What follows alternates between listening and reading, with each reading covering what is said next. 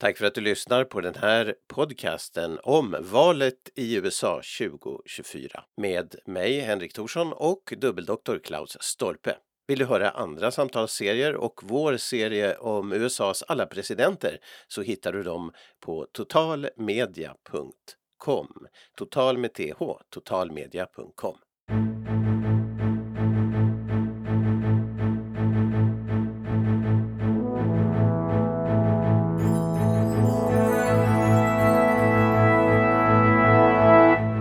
Välkommen till den här podcasten som heter Omvalet 24. Är det ett omval eller är det bara omvalet? Ja, vi pratar i alla fall om en hel del saker som kopplar löst eller inte så löst nära, eh, kanske mycket tajt till valet i USA 2024. Den stora fighten kan vi kalla den. Och till vår hjälp, ja till min hjälp ska jag säga, har jag Klaus Stolpe, välkommen med. Ja, tack så mycket. Hejsan! Gott nytt år får jag väl säga. Tack för det, gott nytt år själv och till er som lyssnar också. Eh, det är intressant det här med nyårshälsningar. De hade var sina utspel på nätet, eh, Biden och Trump nu. Det var Biden menade att han hade han hade skapat jobb för över 14 miljoner människor som han höll, framhöll. Så det är väl positivt, eller? Men det verkar inte som, ja vi återkommer till det, men det är inte så många som uppskattar det ändå tydligen. Det verkar inte, nej. Trump-lägret lär kalla honom för Beachfront Biden. Har du hört om det? Ja, alltså fråga, fråga vad de inte kallar honom. Ja, just alltså, det. det kommer ju liksom vad som helst, så att jag, är, jag tycker själv jag är ganska immun. Vilket mm. är skrämmande i sig. Alltså det, det är liksom det är kommunister och det är skurkar och det är dittan och datan. Att jag tycker liksom man börjar ta en där mät, mättnad av det hela. Att det liksom sån där begrepp urvattnas ju till, till sist helt enkelt. Ja, men vi har ju, vi har ju liksom återkommit till det också att, att det är ju smutskastning och så. Men det är intressant också att Trump skickade någon form av meddelande på sociala medier. Jag tror inte det var nyårshälsning, men det var strax före möjligtvis.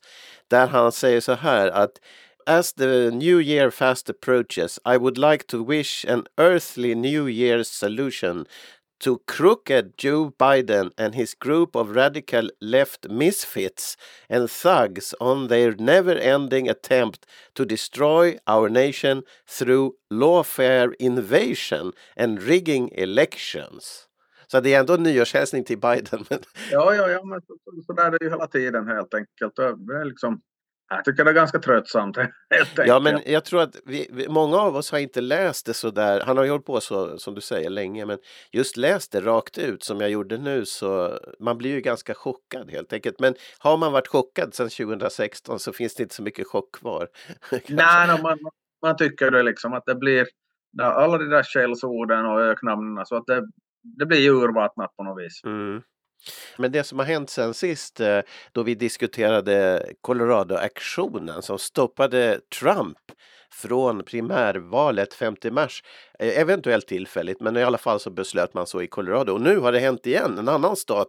Eh, och vad säger Klaus om detta? Ja, det handlar den här gången om Maine, alltså en lit, väldigt liten delstat som är alltså uppe i nordöstra hörnet av USA. Det är liksom på gränsen till, till Kanada helt enkelt. Mm. Och där har man ju gått samma väg som, som i Colorado eh, och beslutat att Trumps namn inte får vara med på den valsedeln i primärvalet helt enkelt. Och, och gemensamma för Maine och Colorado det är ju förstås delstater som styrs av demokrater. Sen har de gått lite olika till väga men det behöver vi kanske inte gå in på. I Colorado, desto mera i Colorado var det högsta domstolen i den delstaten som gjorde det och mm. i i Maine så var det en, en enskild, en enskild liksom person som har ansvar för valen som, som tog det där beslutet. Var det så i Colorado att, att det hade varit en tjänsteperson allt från början? För det hade också varit i en lägre eh, domstol där också. Ja, men då gick, då gick det upp till den där Colorados högsta domstol helt mm. enkelt. Och det som händer nu då sen är väl att är ju rimligtvis att högsta domstolen för hela USA tar upp det där och, mm. och helt enkelt eh, konstaterar att, det, att så kan man inte göra. Det är, det är ju min gissning för att den är så pass politiskt präglad också den där högsta domstolen i USA i, idag så att jag, mm. jag skulle vara förvånad om, om det skulle gå igenom där helt enkelt. Ja, det ska bli intressant att se om de gör det, vad, hur de argumenterar. Men skulle du säga att det faktum att en stat till, alltså nu två stater har uteslutit Trump. Eh, skulle öka då ehm, eh, så att säga risken eller chansen hur man ser det för att högsta domstolen i USA ska ta upp det faktiskt? Skulle du tro det? Ja, nog att de tar upp det. Det tror, det tror jag att de har gjort, gjort oberoende ja, ja. i även om det skulle enbart vara i Colorado. Men det är klart att ju fler, ju fler som sällar sig till det där lägre desto mer, mer angeläget blir det att ta upp det helt enkelt. Mm. Det skulle kanske se lite konstigt ut om inte de skulle göra det helt enkelt. Men det som jag tänkte på sen sist, det är ju det här att det här är ju en Um, vad heter det? Det är ju en um, regel som har kommit till väldigt tajt efter inbördeskriget vilket, vilket tryck det var mot sydstaterna. Att det var ju en hel, de var ju liksom inte med riktigt i landet sen utan det var en, en rekonstruktion många, många år efter. Där... Ja, det tog den så kallade rekonstruktionen som är ju en direkt och kanske inte riktigt smidig översättning från reconstruction kort mm. och gott. Så det var ju under 12 års tid då, från att kriget tog slut 1865 fram till 1877 så var ju sydstaterna nu närmast att betrakta som militärt ockuperat område. Mm, just det. Se, se liksom hur, om de var förtjänta att alls komma med i, i, i unionen på nytt och, och, och, så vidare. Så att det, var, mm. det var dramatiska tider även efter att kriget var till ända. Ja, men i alla fall, eh, och det säger ju mycket om eh, liksom det här lojaliteten till eh, federationen. Alltså hela kriget handlade ju om Även om vi har pratat att vi återkommer till också slavfrågan. Vi har ju pratat om hur viktig den var så har ju du påpekat också att det, det här de facto att de gick ur den förenade staterna, att de drog, de liksom eh, svek helheten. Det var ju ett stort brott. Det var ju det som var det stora problemet i själva verket. Eh, och, jo då. Och, och det... jo, jo, jo alltså, om vi säger att, att utan slaveri skulle situationen inte ha uppstått, men att det mm. handlar ju om att hålla ihop unionen helt mm. enkelt. Och, och, och en sån där grej ju att, att eh, folk har ju den där bilden idag av att eh, alla, alla i södern hade slavar och var elaka mot dem ja. och i norr fanns ingen rasism överhuvudtaget och Lincoln var snäll med alla. Mm. Men att eh, Lincoln erbjöd ju till och med som morot att de skulle hållas kvar utan att man skulle behöva kriga, att man skulle lägga ett tillägg till, till konstitutionen att slaveriets fortbestånd skulle garanteras i de delstater där det redan fanns mot att, att i nya delstater, för USA växte ju på den här tiden, så, så skulle mm. slaveri inte in, inte tillåtas. Så att eh, som med andra ord, Lincoln av alla är den enda presidenten som har föreslagit ett, ett tillägg till konstitutionen som de facto skulle garantera slaveri ja, ja. i de delstater där det, där det fanns. Och det är ju det är ju kanske inte den första man skulle, första man skulle gissa på om man skulle få den frågan i en frågesport. Nej, nej visst. Och, och, men det visar ju hur viktig nation, alltså sammanhållningen i de Förenta Staterna egentligen är. Alltså det är så otroligt viktigt. Han har ju det också i sitt tal i Gettysburg Address där han pratar om det där att det, att det är liksom någon slags ansvar för konstitutionen och, och the founding fathers allt det här. Det, men det är så otroligt speciellt just i USA om man säger att svika helheten, eller hur? Ja, ja, men samtidigt i södern så resonerar man ju som så att, att om de här 13 kolonierna som bildade USA i tiden hade, hade rätt att, att mm. förklara att man inte hör till Britt, under brittiska kronan längre så hade sydstaterna då i sin tur samma, samma rättighet ja. lite mindre än hundra år efteråt. Så att det, det är ju liksom som med så mycket annat att det handlar ju om vad man vad man pekar på helt enkelt. Nej men där kommer vi till den här argumentationen då att den där regeln i 14 tillägget, tredje momentet som det nu är fråga om med Trump här, den kom ju till för just för att de som hade varit med på sydstatssidan inte skulle kunna eh, bli makthavare inom statsapparat och så vidare. Och, ja. och, det var ju väldigt riktat mot just det specifika tillfället och, då, och det är ju en invändning mot varför ska man väcka till liv den idag? Eh, det är ju en helt, det var ju, den var ju liksom bara gällande för inbördeskriget. Sen har den blivit... Ja, i princip, men att det står ju inte någonstans att mm. detta gäller enbart för inbördeskrig Nej. utan det, det, det handlar ju om liksom sån här alltså uppvigling, uppror, statskupp mm. Whatever. Och, och, och, det är det det handlar om med, med den stormningen av, av Kapitolium. Att om, om du och jag är missnöjda över någonting, vi säger att vi vill, Henrik och, och Klaus vill införa vänstertrafik i Finland. Ja. Så, så vi, vi måste ju få stå och demonstrera utanför riksdagshuset. Mm.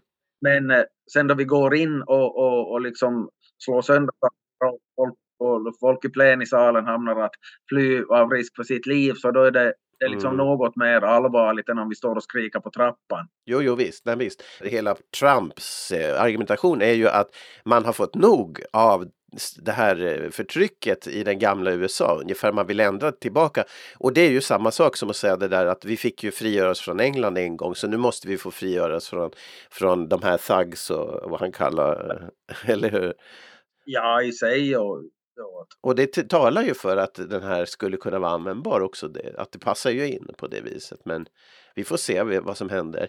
Men det där med slavar, det är ju aktuellt också för att under veckan så var det något tjafs med Nikki Haley som nu har seglat upp som allt, en allt starkare kandidat. Men plötsligt blev det problem just kring inbördeskriget. Vad var det nu? Ja, alltså det handlar ju om att, att hon, eh, det var ju här i mellandagarna så att det var några dagar sedan, så, så var hon en fick hon en fråga att, att vad, att en till synes enkel fråga om vad inbördeskriget under 1860-talet handlade om så lyckas hon med konststycket att undvika att nämna slaveriet. Mm. Alltså hon snackar om att det handlar om de enskilda delstaternas rättigheter och ekonomi och hur statsmaktens sätt att lägga sig i och, och, och så vidare. Men att eh, det som hon sa så stämde ju men att jag, hon, jag och många annan tyckte då att hon lämnade lämna bort en väsentlig detalj här. Att hon kunde om hon inlett med att ja, vi vet ju alla att, att, att slaveri var en nyckelfråga och sen skulle hon ha mm. sagt allt det där andra så att då, då, då det här så skulle inte ha varit någonting. Och även om vi, vi nyss sa själva att det är många andra saker som också blev aktuella för inbördeskriget där så, så att undvika att säga att slaverifrågan hade en betydelse det är ju inte riktigt bra kanske korrekt. Ja, det är ju ganska konstigt ja. ja. Men annars jag kom, kom att tänka på en helt annan grej här mm. just på grund av det här Maine som vi talade om för, för någon minut sedan. Ja, just och det är ju att, att äh, även den delstaten har ju, alltså den delstaten har en väldigt intressant bakgrund för att, äh, att då man då i det skedet då några årtionden före före inbördeskriget bröt ut så, så var man plötsligt i en situation att äh, om Missouri skulle tas med som, som slavstat så skulle det ha blivit en slavstat mer än antalet fristater. Mm. Så att man helt enkelt delade upp Massachusetts och, och norra delen av Massachusetts blev en egen delstat, det vill säga Maine. Just det. Så, och det, det, där är ju en väldigt speciell bakgrund av, för en, en, en, ska jag säga, ett, en delstats sätt att tillkomma helt enkelt. Ja, just det, okej. Okay. Men, men tror du att, um, eller fortsättningsvis, det faktum att de nu utesluter Trump där, det har fortfarande ingen betydelse, säg att det nu inte skulle bli någon, något uh, i högsta domstolen när det blir så här, att han inte är med i två stater, det har ingen betydelse för hans valresultat, eller hur? Nej, det tror jag ju inte för att uh, på samma sätt som i Colorado så att även om, om Trump inte skulle få finnas med på valsedeln i i, sen i själva presidentvalet, om vi nu då tänk, tänker den tanken att mm. det är han som blir republikanernas kandidat, så, så att både i Colorado och Maine så är demokraterna starkare. Skillnaden är att Maine och en annan delstat, Nevada, så där kan det faktiskt vara möjligt så att man delar på de där dels, det, vad heter det, elektorsröstarna. Mm -hmm. Så att i, i förra valet så, så av de där fyra jag tror det var fyra elektorsröster de har i Maine, så, så Trump fick faktiskt en röst trots att, att, att Biden var, var den starkare helt enkelt. Aha, just det, så det kan det ändå betyda ja, en, en, en, en, en enda röst fick, fick han, men mm. jag menar blir det riktigt jämnt så kan ju en enda röst avgöra det hela. Men vi har ju tidigare talat om Michigan som swing state, eller hur? Ja. Eh, och där har man tydligen då bestämt att man inte ska utesluta Trump. Så är det ja. Men vad beror det på då? Om det är en swing state, är det, är det så att övertaget hos Republikanerna är för stort där? Eller? Ja, det jag kommer jag inte ihåg, men alltså att eh, för att det, det är väldigt sådär 50-50 där mellan mm. partierna. Men det är ju klart att, att det är ju svårare att driva igenom en sån där sak ifall ifall det andra partiet är väldigt starkt. Det är ju, det är ju mm. lättare om man har, har liksom monopol på makten helt enkelt. Mm. Nej men i gråzonen kan det ju finnas människor som är av båda åsikterna fast de röstar på en, en sida så kanske de faktiskt kan förstå eller någon kan tycka att det här är att gå för långt och det, fast den då är ja, demokrat och så vidare. Så, eh, en annan sak var ju att Haley hade haft ganska framgångsrik tid nu just innan hon gjorde bort sig där förra, alltså det hade varit lite uppsving för henne. Ja, det hade ju varit. Hon har ju haft en viss med, medvind på sistone och ja. framstått som, kan vi säga, börja mer och mer framstå som den här starkaste utmanaren till Trump, eller rättare sagt mm. minst svaga utmanaren eftersom ja. vi ska hålla, vi ska hålla i minne nu att, att Trump det är ju sig som väldigt överlägsen mm. bland republikanerna. Men, men, men det jag tänkte på var ju, och det var egentligen redan innan hon fick det här uppsvinget. Kanske på grund av att DeSantis har varit lite blek som du har berättat i de olika debatterna ja. och annars också. Men redan tidigare så hade hon bättre poäng mot Biden när de mäter då alltså vilken av kandidaterna skulle ha en visst antal poäng om de mötte Biden om de var presidentkandidat alltså. Ja. Eh, och då har hon bättre än både DeSantis och Trump och det är ju intressant vad det kan bero på. Hon ledde över Biden med fem medan Trump leder med två, två och en halv ungefär i de här mätningarna i stort sett. En sak kan ju vara jag påstår inte för att jag, jag, det här är spekulation från min sida, men redan det att, att hon är kvinna så kan det ju hända att, att, eh, att det är en och annan liksom kvinna som normalt skulle rösta på Demokraterna som, som konstaterar att ja, men då skulle man ju få chans att få en kvinnlig president. Mm, ja, ja. Som person är hon mindre extrem än Trump, det är helt klart.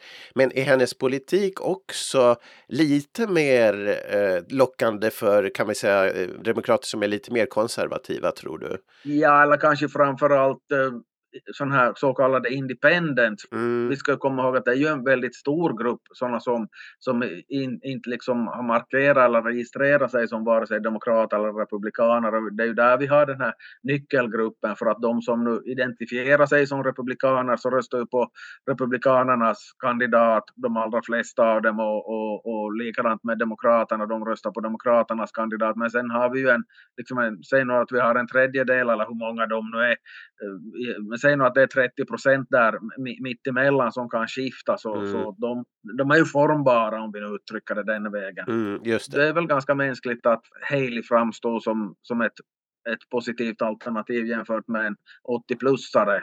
Ja, ja, medan, hon, ja, medan hon kanske inte skulle tycka det om det skulle vara Trump som är, är, är alternativet.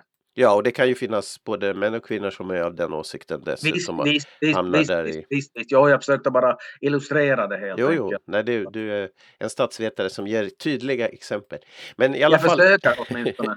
ja, medaljer, medaljerad stat. Men det har jag funderat på om man måste eh, tycka om presidenter, liksom i allmänhet. Vi, vi, har ju gått igenom alla presidenter i vår andra serie, Mr President. Om, om man liksom, för att fastna som statsvetare i den här, det här intresset för USA val, att man, man på något sätt måste tycka om presidenterna. Men det, det gör jag ju verkligen. Det gör jag ju, det gör jag ju absolut inte för vissa så verkar jag ganska virriga helt enkelt. Ja, Men det. Eh, det är ju fascinerande personligheter och det är väl kanske helheten i det persongalleriet som gör det hela intressant. Det skulle vara lite tråkigt och högst märkligt om, om allihopa skulle ha varit precis likadana. Jo, jo, precis.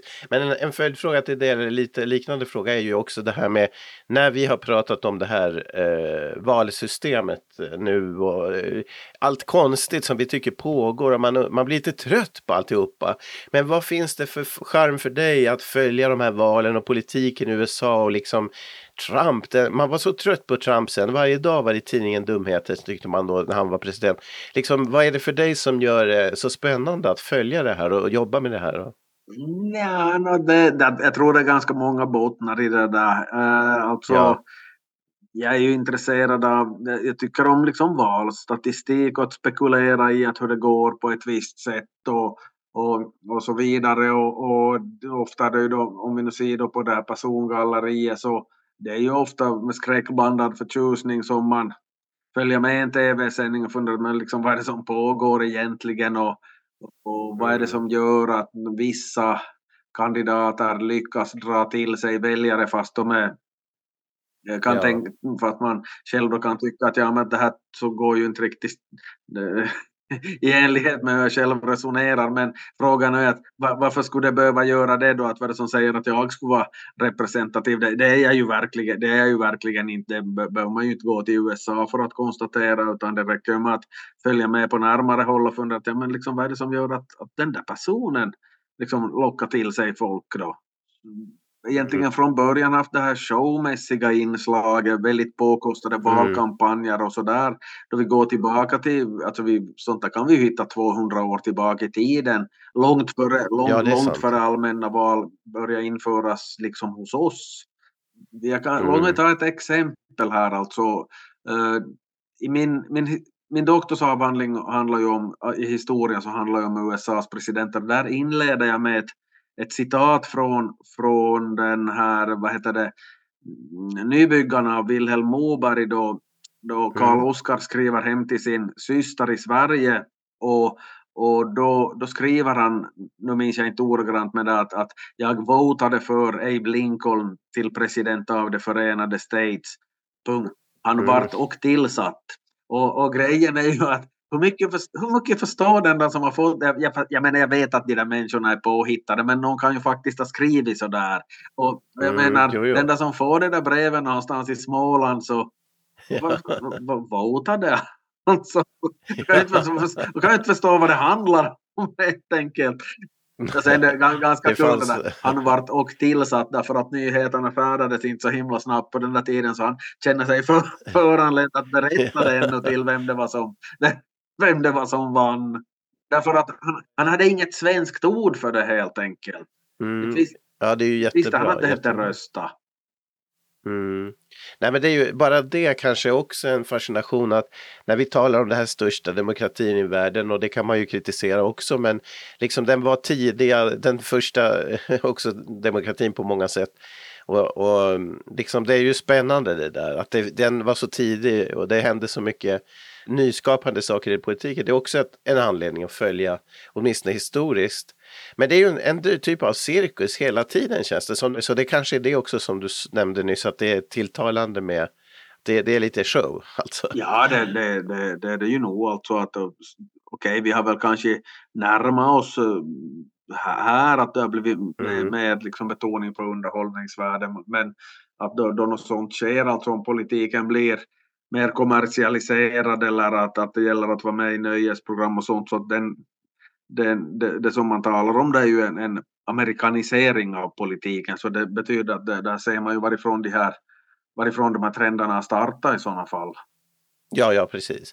Och eh, faktum är ju här i Finland där vi är nu så är det ju faktiskt också ett presidentval mycket mera snart. Det är ju bara en månad, inte ens det. Jo, jo, det, jo, jo, det är i slutet av slutet av, av januari är ju första omgången och sedan är det eh, en, sannolikt en om, omgång till då, en, en final ja. mellan de, de två starkaste om, om ingen får, får eh, över 50 procent av rösterna direkt och det är ju ganska ovanligt att så sker i ett mångpartisystem. Det skedde ju för all del förra gången då Niinistö var så pass överlägsen och de andra mm. satsade ju på, vad ska vi säga, det var liksom B5 som ställde upp från de andra partierna så att då, det var lite det var lite speciell situation då, men att under normala omständigheter mm. så blir det ju nog alltid ett, en andra omgång. Och eh, ja, och den som är favorit antagligen blir president det är ju en faktiskt svensktalande person som inte är helt okänd. Han har varit utrikesminister i Finland och han har varit kanske i någon, inte statsminister. Ja, han var statsminister men... en kort, kort tid där. Det var, de, de, det var en mm. rockad där på det där påståendet. Vi talar om Alexander Stubb och det är ju han som ligger bäst till för, för tillfället. Så att... Ja, ja, precis. Ja. Det får vi följa upp. Vi får ju plocka in lite andra eh, val också. Presidentval, när det finns presidentval i vår närhet måste vi ta med det sen. Du som lyssnar kanske är intresserad av våra program om alla USAs presidenter. Mr President är en serie som du också kan höra på den här samma platsen där du har hittat den här. Vi finns på Apple Podcasts och Spotify och även på totalmedia.com total med th. Och det är ju 45 presidenter. Det här är ju faktiskt ungefär 45 veckor till valet, så därför tänkte jag vi kan väl säga något om president nummer ett Washington nummer ett. Vad, vad, kommer, vad kommer du på Klaus när jag säger en sån sak?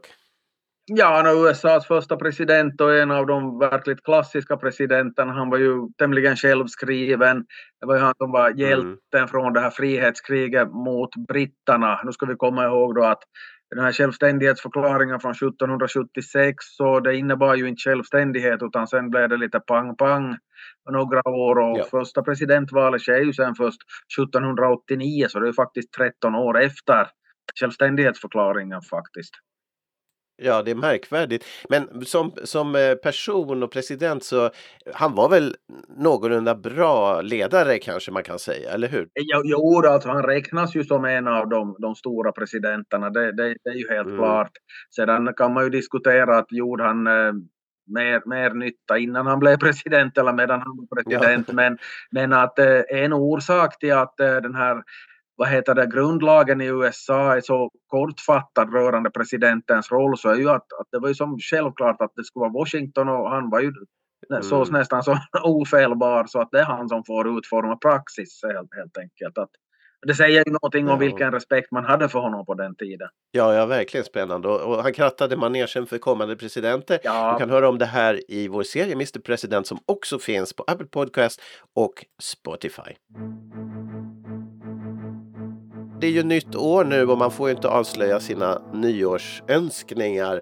Men Klaus, när det gäller USA och valet. Eh, vi blickar framåt här 45 veckor ungefär till, till dess att det blir avgjort. Då. Vad skulle vara din nyårsönskning när det gäller USA och valet? No, framförallt att, att det skulle bli en sansad debatt ja, nu skulle jag riktigt få välja så skulle jag föredra om bägge partierna skulle, skulle hitta någon, någon presidentkandidat som är yngre än vad jag själv är. Jag fyller 60 i mm. april. Mm. Mm. Jag är ganska mycket ja, jag, yngre än de, ja. om de, jag är ganska mycket yngre än vad de är huvud, huvudalternativen om vi uttrycker saken som så. Men att i, i något skede så, så kunde USAs president gärna få vara yngre än vad jag själv är. Men i ett, ett scenario där alltså både Trump och Biden backar undan och släpper fram några som kanske till och med inte nu finns i eh, startfältet. Är det rimligt? Och det är alltså den, den önskan du skulle ha egentligen? Ja, om det nu är rimligt. Jag menar, det är ju många som spekulerar i det att, att åtminstone Biden skulle bytas ut och så vidare. Men det mm. borde ju skett Alltså tiden rinner iväg. Snart börjar de här, snart börjar de här eh, vad heter det, eh, primärvalen och, och jag menar ju, ju mer tiden går desto mindre sannolikt blir ju, blir ju sådana alternativ. Jo, jag förstås. Ja, men min, min önskan är kanske att det blir ett spännande år och att demokratin segrar i slutändan. Men ett spännande år, skulle det, kan man tänka sig så här att om Biden och Trump är kvar uh, och i ditt scenario, din önskan inte blir uppfylld så att säga. Skulle det bli ett tråkigare år, valår än om de byts ut? Nej, något tråkigt blir det ju inte eftersom de är så olika varandra och det är så hetskt och det blir en repris på förra gången. Och, mm. Men att troligen ännu mer hetskt än, än, än, än gången innan så att, eh, mm. så att det, tråkigt blir det ju inte. Nej, det är bra. Tack Klaus för denna gång. Vi fortsätter inne i det nya året i andra veckan av nya året. På tisdag, nästa tisdag får ni höra oss igen. Tack Klaus! Tack, tack!